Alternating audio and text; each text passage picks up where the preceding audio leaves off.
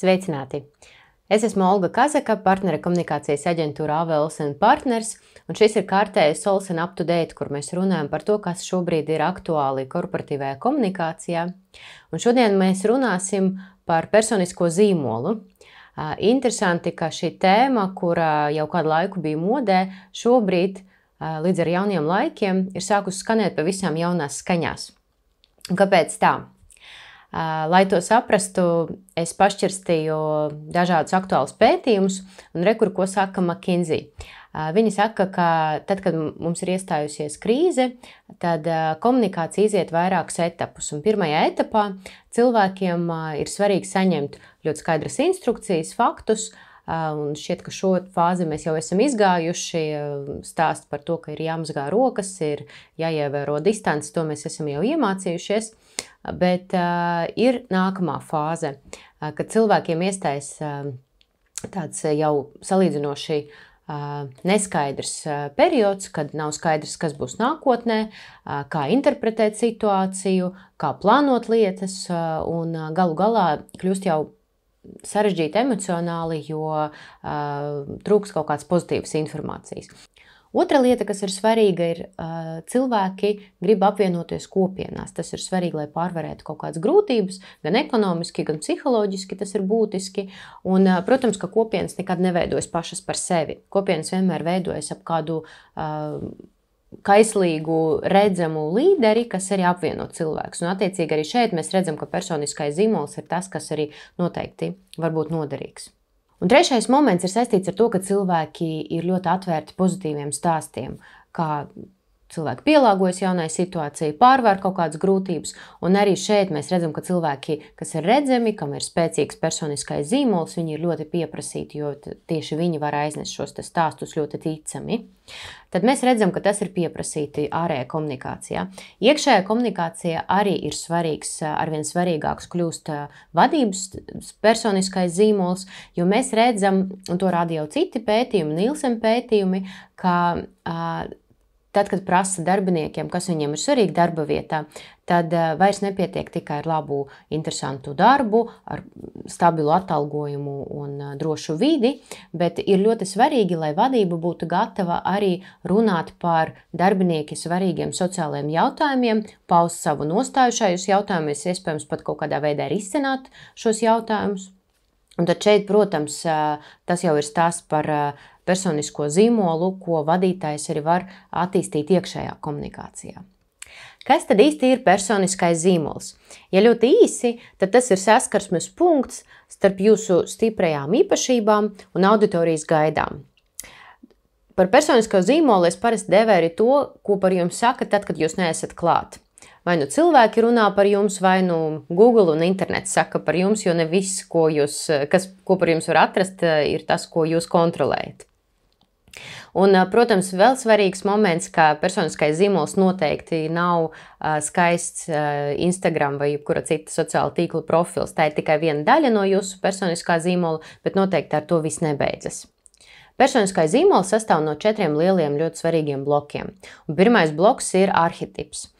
Šis jēdziens nāk no psiholoģijas. Jungs to ir spēcīgi attīstījis, vēlāk to ir advancējuši, attīstījuši arī mārketinga vajadzībām, un šodien arhitekta jēdzienu lieto ne tikai cilvēku zīmolu veidošanā, bet arī korporatīvo produktu pakalpojumu zīmolu veidošanā. Un kas ir arhitekts? Arhitekts ir metatēls, kolektīvās apziņas daļa, kas ļauj vienam tēlam ap vienu tēlu veidot uzreiz daudzus raksturojumus. Ja mēs redzam, ka cilvēks izskatās kā princese, tad mēs uzreiz piešķiram viņam arī kaut kādas pārējas īpašības. Skaista, jauka, labsirdīga un tā tālāk. Un tā tālāk.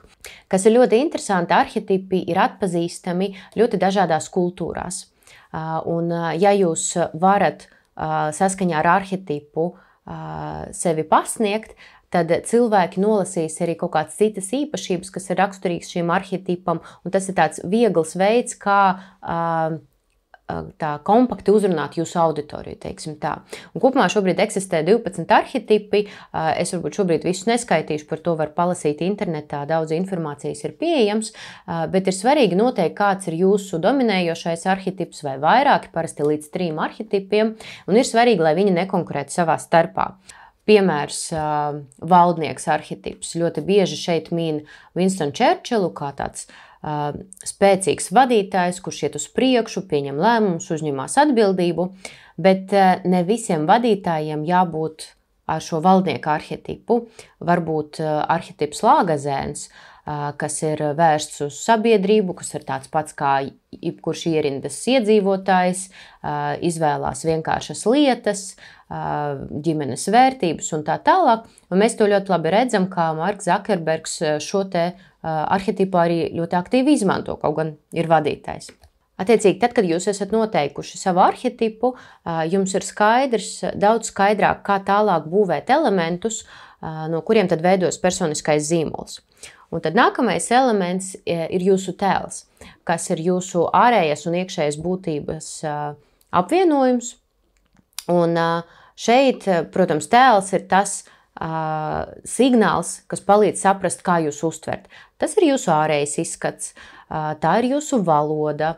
Uh, tas ir arī beidzot jūsu profils sociālajos tīklos vai jūsu profila neesamība sociālajos tīklos, kas arī var būt daļa no jūsu tēla. Uh, Tas ir, tas ir viss, kas veido tātad, jūsu to ārējo un iekšējo būtību. Un pie tā noteikti arī ir jāstrādā. Dažreiz vajag nolgot speciālus cilvēkus, stilistus, kas jums palīdz to tēlu izveidot. Iespējams, piestrādāt arī pie jūsu runas. Tad, tas tiešām ir viens liels bloks, kas arī ļoti spēcīgi veido jūsu personisko zīmolu. Nākamais, trešais bloks ir jūsu stāsts vai jūsu leģenda. Un šeit vienmēr vajag padomāt par tādiem četriem jautājumiem. Kas es esmu, ko es daru, ko es stāstu par to, ko es daru, un ko citi stāsta par to, ko es daru. Un jums vairāk vai mazāk vajag iekudēt šī atbildes uz šiem jautājumiem jūsu leģendā, ko jūs pasniedzat citiem, tad, kad, kad jūs komunicējat publiski vai jūs komunicējat ar jūsu auditoriju. Un, lai jūs iemācītos to darīt, es jums iesaku ļoti šobrīd populāru mājas darbu, kas saucās Elevator Pitch, vai dažreiz viņu arī dēvē par Elevator Speech.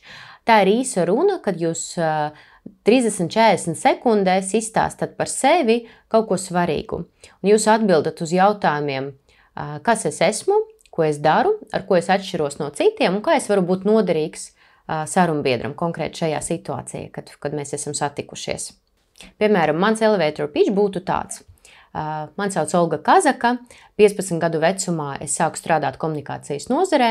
20 gados es nodibināju komunikācijas aģentūru Avels Partners. 30 gados es aizstāvēju doktora disertāciju. Šodien mana aģentūra ir viena no vadošajām Latvijā. Divus gadus pēc kārtas mēs esam apbalvoti ar pasaules lielāko PR balvu. Un es esmu arī pirmās PR grāmatas autore, kā arī lektore.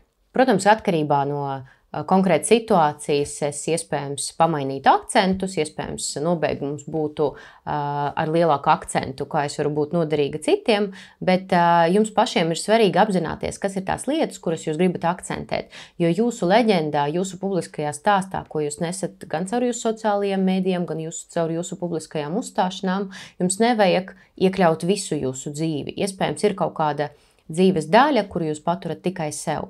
Un šis ir arī viens, tad jūsu leģenda ir viens liels bloks, pie kura noteikti jums vajag strādāt ļoti strateģiski. Un ceturtais bloks ir jūsu reputācija. Tas ir tāds stabils viedoklis par jums, kas jau ir izveidojies. Un tas, protams, ir tas, pie kā jūs strādājat nemitīgi. Tas ir tāds ilgtermiņa darbs, bet vienmēr vajag paturēt prātā, ka šis ir arī tāds ļoti svarīgs elements, bez kura personiskais zīmols noteikti nevar pastāvēt. Tad ir četri elementi, pie kuriem jums ir jāstrādā ļoti strateģiski un apzināti. Tas ir arhitekts, tas ir tēls, tas ir jūsu stāsts vai leģenda un reputācija. Un es iesaku tiešām par to šodien nopietni domāt, jo šobrīd ir laiks, kad ir jāparādās tiešām izciliem līderiem un izciliem komunikatoriem, jo noteikti pie, pēc viņiem ir pieprasījums. Vai parādīsies? Tas jau ir cits jautājums. Bet pieprasījums ir tātad veidojot savu tēlu strateģiski un apzināti. Galvenais turpiniet komunicēt, neskatoties ne uz ko, un gaidīsim jūsu tēmu ierosinājumus uz UpToDate Tolson LV. Visu labu, tiekamies nākamreiz!